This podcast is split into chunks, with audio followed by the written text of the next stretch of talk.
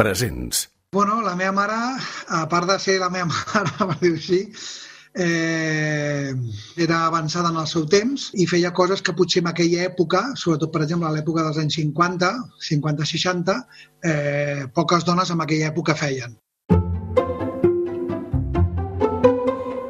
Que ara estava en una residència i molta gent preguntava escolta, t'he vist a internet que surts i clar, una persona de 90 anys d'internet, doncs clar, eh, per ella li ha agafat molt gran i li costa molt entendre-ho, no? No tothom té una mare que surt a la Viquipèdia, ni una mare que aparegués als diaris fa més de 70 anys.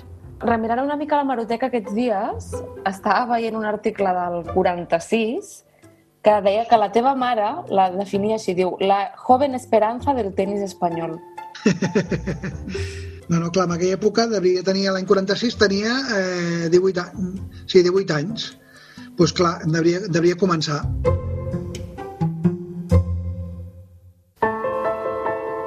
Presents. Un homenatge als absents.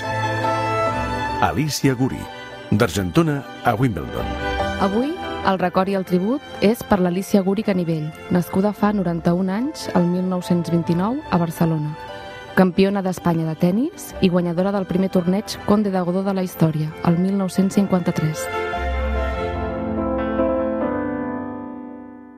Per entendre com de transgressora va ser l'Alicia, es va fer una mica de memòria i recordar què s'esperava de les dones als anys 50, en plena dictadura, quan ella començava a despuntar com a jugadora professional de tennis. Las afiliadas a la sección femenina ponen en práctica la lección de José Antonio. El verdadero feminismo no consiste en querer para las mujeres las funciones que hoy se estiman superiores. sino Les fotos d'aquella època que el fill de humana el y Cèsar, conserva, són força diferents de la imatge tradicional i abnegada que el règim franquista promovia per les dones. Vaig anar a escanejar moltíssimes fotos, eh, aquí jugant a tennis. Mentre parlem, el Cèsar me'n va enviant algunes per WhatsApp. Mira, ah, t'envio una que vegis en moto com anava en moto. Fliparàs com és aquesta en moto. Ara, mira, t'envio aquestes. Veus aquestes tres noies que hi ha, que estan vestides de carrer? Oh, que guapa era, no?, de jove. A la foto de color sèpia es veuen tres dones joves i somrients, agafades de la mà, baixant una escalinata blanca. I aquestes tres són les que van anar a Wimbledon juntes. Sí, l'Alicia Guri va jugar dues vegades al torneig de Wimbledon, a Anglaterra, el 1958 i el 1959, el mateix any que Franco inaugurava el Valle de los Caídos a Cuelgamuros. Miss Sí, sí. Billy Barril, Miss Alicia Guri, Miss Bentley, Miss Cambley. Totes van amb faldilles curtes. La l'anava l'anava més curta, eh, que la teva mare. Bueno, eh, sí. Què creus que va, que va suposar per ella el tennis? Llibertat.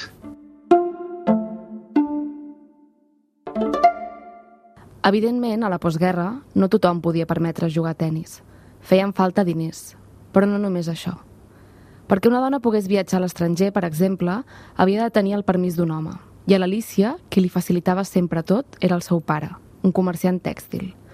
Va ser ell qui des de ben petita li va ensenyar a jugar a tennis a Argentona, a la torre on la família es va traslladar durant la guerra.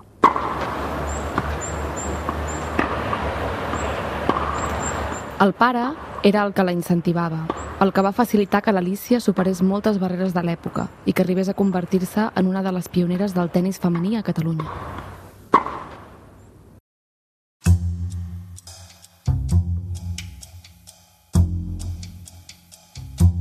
Ens trobem al barri de les Corts de la ciutat de Barcelona a 16 de febrer de 2013 a casa Alicia Guri, a qui farem una entrevista per Moltes vegades les veus de les persones més grans es perden, desapareixen quan se'n van.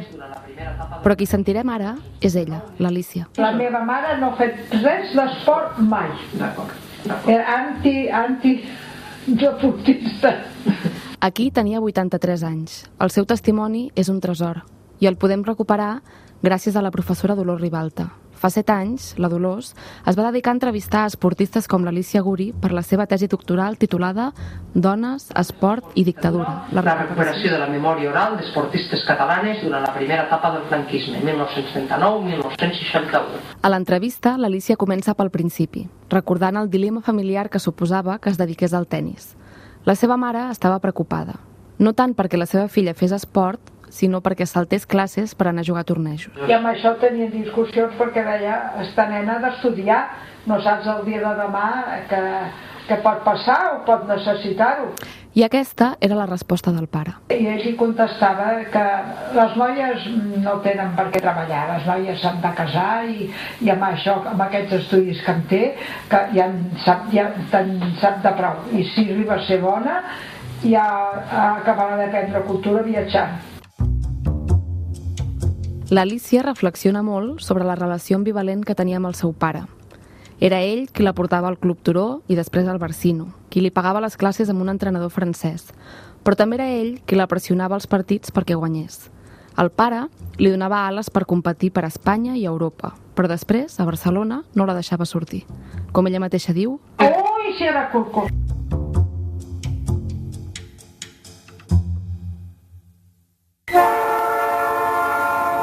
El cert és que l'Alicia Guri va acabar viatjant molt.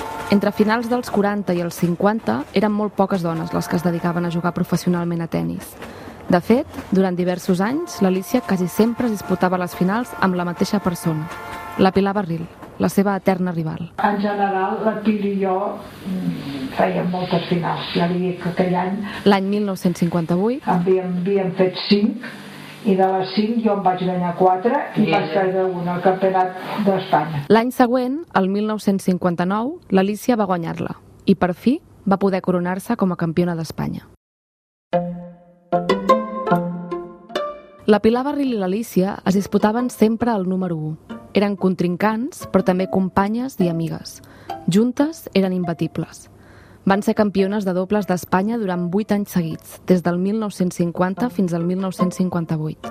Juntes, també, van viure moltes aventures viatjant als tornejos de Sant Sebastià, Madrid, Gijón, Santander, però sobretot a l'estranger. Aquelles escapades a Anglaterra o Suïssa eren una revelació. Allà les dones anaven pels vestuaris despullades i aquí això no ho havia fet mai. Eh? Hi havia molta diferència, hi havia molta diferència. Elles eren molt més obertes de ment que nosaltres. Tot era més modern fora, també les raquetes i el vestuari. Quan vaig anar a Wimbledon, a Wimbledon ens regalaven roba. Llavors ens donaven roba molt maca i jugàvem amb aquesta roba que, que, que aquí no n'hi havia. Quan tornaven i jugaven amb aquelles minifaldilles o shorts, sovint no passava res, però alguna vegada es feia un escàndol. Un cop, en un partit d'exhibició, un club els hi va demanar que, per favor, no ensenyessin tant les cames. Perquè deien que al anar curtes posava mals pensaments en els homes. L'Alicia s'hi va negar. No ho entenc, a nosaltres ens feuen així i els que juguen a hockey i a bàsquet, els homes, van amb uns tabarragos que si te descuides se'ls hi veu més. També ens pot donar mals pensaments. El masclisme d'aquella època no era fàcil d'entomar. Tot i que el tennis era un dels esports que es podia practicar de forma mixta, a vegades veure dones a la pista generava situacions incòmodes. A l'Alicia, més d'un home la va deixar plantada als partits d'entrenament del Barsino. Misteriosament, no es presentaven mai a la cita. Sempre posaven excuses, al final no s'hi vaig dir el que organitzava, el capità, dic no em posis més amb aquests dos, perquè aquests dos sempre em posen una excusa, no volen jugar amb mi. Això passava, eh? Una mica. Se- Alguns senyors que va- d'aquests machistes, perdre amb una dona no els hi agradava. De fet, hi ha coses que no han canviat massa, com la remuneració. Als nois els hi donaven tres vegades més, a les noies molt poc. L'Alicia va tenir l'honor de guanyar 19 títols, entre tennis i ping-pong. Un dels més destacats, el primer torneig Conde de Godó de la història, el 1953, amb 24 anys. I en el Godó pagaven en els nois, però a les dones no els pagaven res. Ara penso que si ara fos ara, m'he guanyat molts quartos i en aquella època no em vaig guanyar gens. Las pistas del Club Alameda de Madrid se celebra el Campeonato Nacional de Tenis. Andrés Jimeno, que es el que se encuentra más lejos de la cámara, contiende con Cuden en la final del campeonato individual. Aquest fragment del Nodo parla del Campionat d'Espanya de 1959, el mateix en el que l'Alicia Guri es va proclamar campiona. Nuevamente vemos a Jimeno, ahora en unión de José Luis Arilla, actuar contra Santana y Cuder para la obtención del título de dobles. A la premsa de l'època, les dones semblava que no juguessin a tennis. Amb prou feines hi apareixien.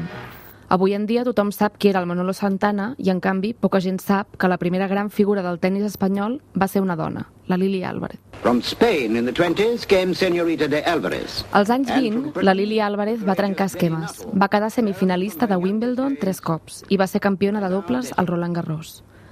Gràcies a l'entrevista que la professora Dolors Ribalta va fer a l'Alicia, sabem que dècades més tard les dues van jugar uns dobles a Portugal. Estava a jugar amb la Lili Álvarez. Ah, caram. A mi em va fer molta il·lusió conèixer-la i poder jugar amb ella. Em va agradar molt. Tothom coincideix a destacar dues coses de l'Alicia com a jugadora. La primera, el seu drive, i la segona, que no suportava perdre. Era una dona molt tranquil·la i a la vegada sumament competitiva. Però la seva carrera professional va acabar al moment de més èxit, l'any 1960, després de guanyar el Campionat d'Espanya. L'Alicia va decidir deixar el tennis professional quan es va casar, relativament tard per l'època, amb 31 anys. L'últim partit d'alta competició, de ping-pong, el va jugar estant embarassada del Cèsar. Però no vaig jugar res més perquè estava jugant i a vegades tenia Eh, nàusees. nàusees. Ja casada i amb el seu fill, l'Alicia va traslladar-se dos anys a Canadà, on va començar a donar classes de tennis. Després va viure quasi 30 anys a Andorra, on també es guanyava la vida com a entrenadora. El tennis mai va desaparèixer. Després de la mort del seu marit l'any 1999, l'Alicia va tornar a Barcelona i va seguir aferrada a la raqueta fins que el cos li va permetre. No havia fet els 80 encara. O sigui, els 79. Ho vaig tenir que deixar pels dolors que tenia. Costa trobar jugadores que hagin acompanyat la carrera de l'Alicia al llarg dels anys que estiguin vives. El Barsino, la Georgina Olivella, del grup de veteranes, la recorda fins l'últim moment com un talismà. Clar, la tècnica d'ella no es podia comparar a cap de, a cap de nosaltres. La Georgina té 80 anys i mai va estar a la primera línia, però la seva filla sí. Va ser la campiona d'Espanya per equips del 1984. A la Georgina, el camí que va traçar l'Alicia l'emociona. Rememora amb nostàlgia aquells temps daurats, la seva discreció quan el club li feia algun homenatge i el privilegi d'haver compartit pista amb ella els últims anys. Portava el cabell curtet i, i, i tot blanc. Clar, es veia com si fos una senyora gran. Quan es posava a la pista, oi, que el feia morir de riure, perquè, clar, el primer, eh, molta gent, moltes jugadores d'aquestes més joves, pues, no la coneixien. Pues deien, oye, todas a la, a la senyora, todas a la senyora.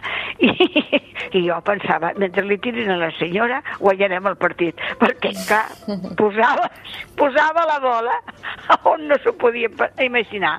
Però és que era una cosa magnífica de veure-la jugar. La Georgina lamenta que l'Alicia Guri no hagués tingut un reconeixement més gran en vida, perquè va ser una inspiració per moltes dones, especialment durant la dictadura, demostrant que elles també podien jugar, triomfar i guanyar. L'Alicia ha marcat una època. Ha, ha marcat una època aquí a Catalunya, que és un honor un honor tindre-la com, a, com, una, com un mirall. Si hagués sigut, anem a a suposar, una estrangera, jo crec que encara hauria sigut més valorada. L'Alicia Guri va morir de coronavirus als 90 anys, la nit de Sant Jordi, a la residència Canamell de Premià de Mar. Presents. Un homenatge als absents és un podcast original de Catalunya Ràdio. Direcció, guió, producció i narració, Carola Soler. Muntatge tècnic, Matilde Seoane. Producció executiva, Albert Segura.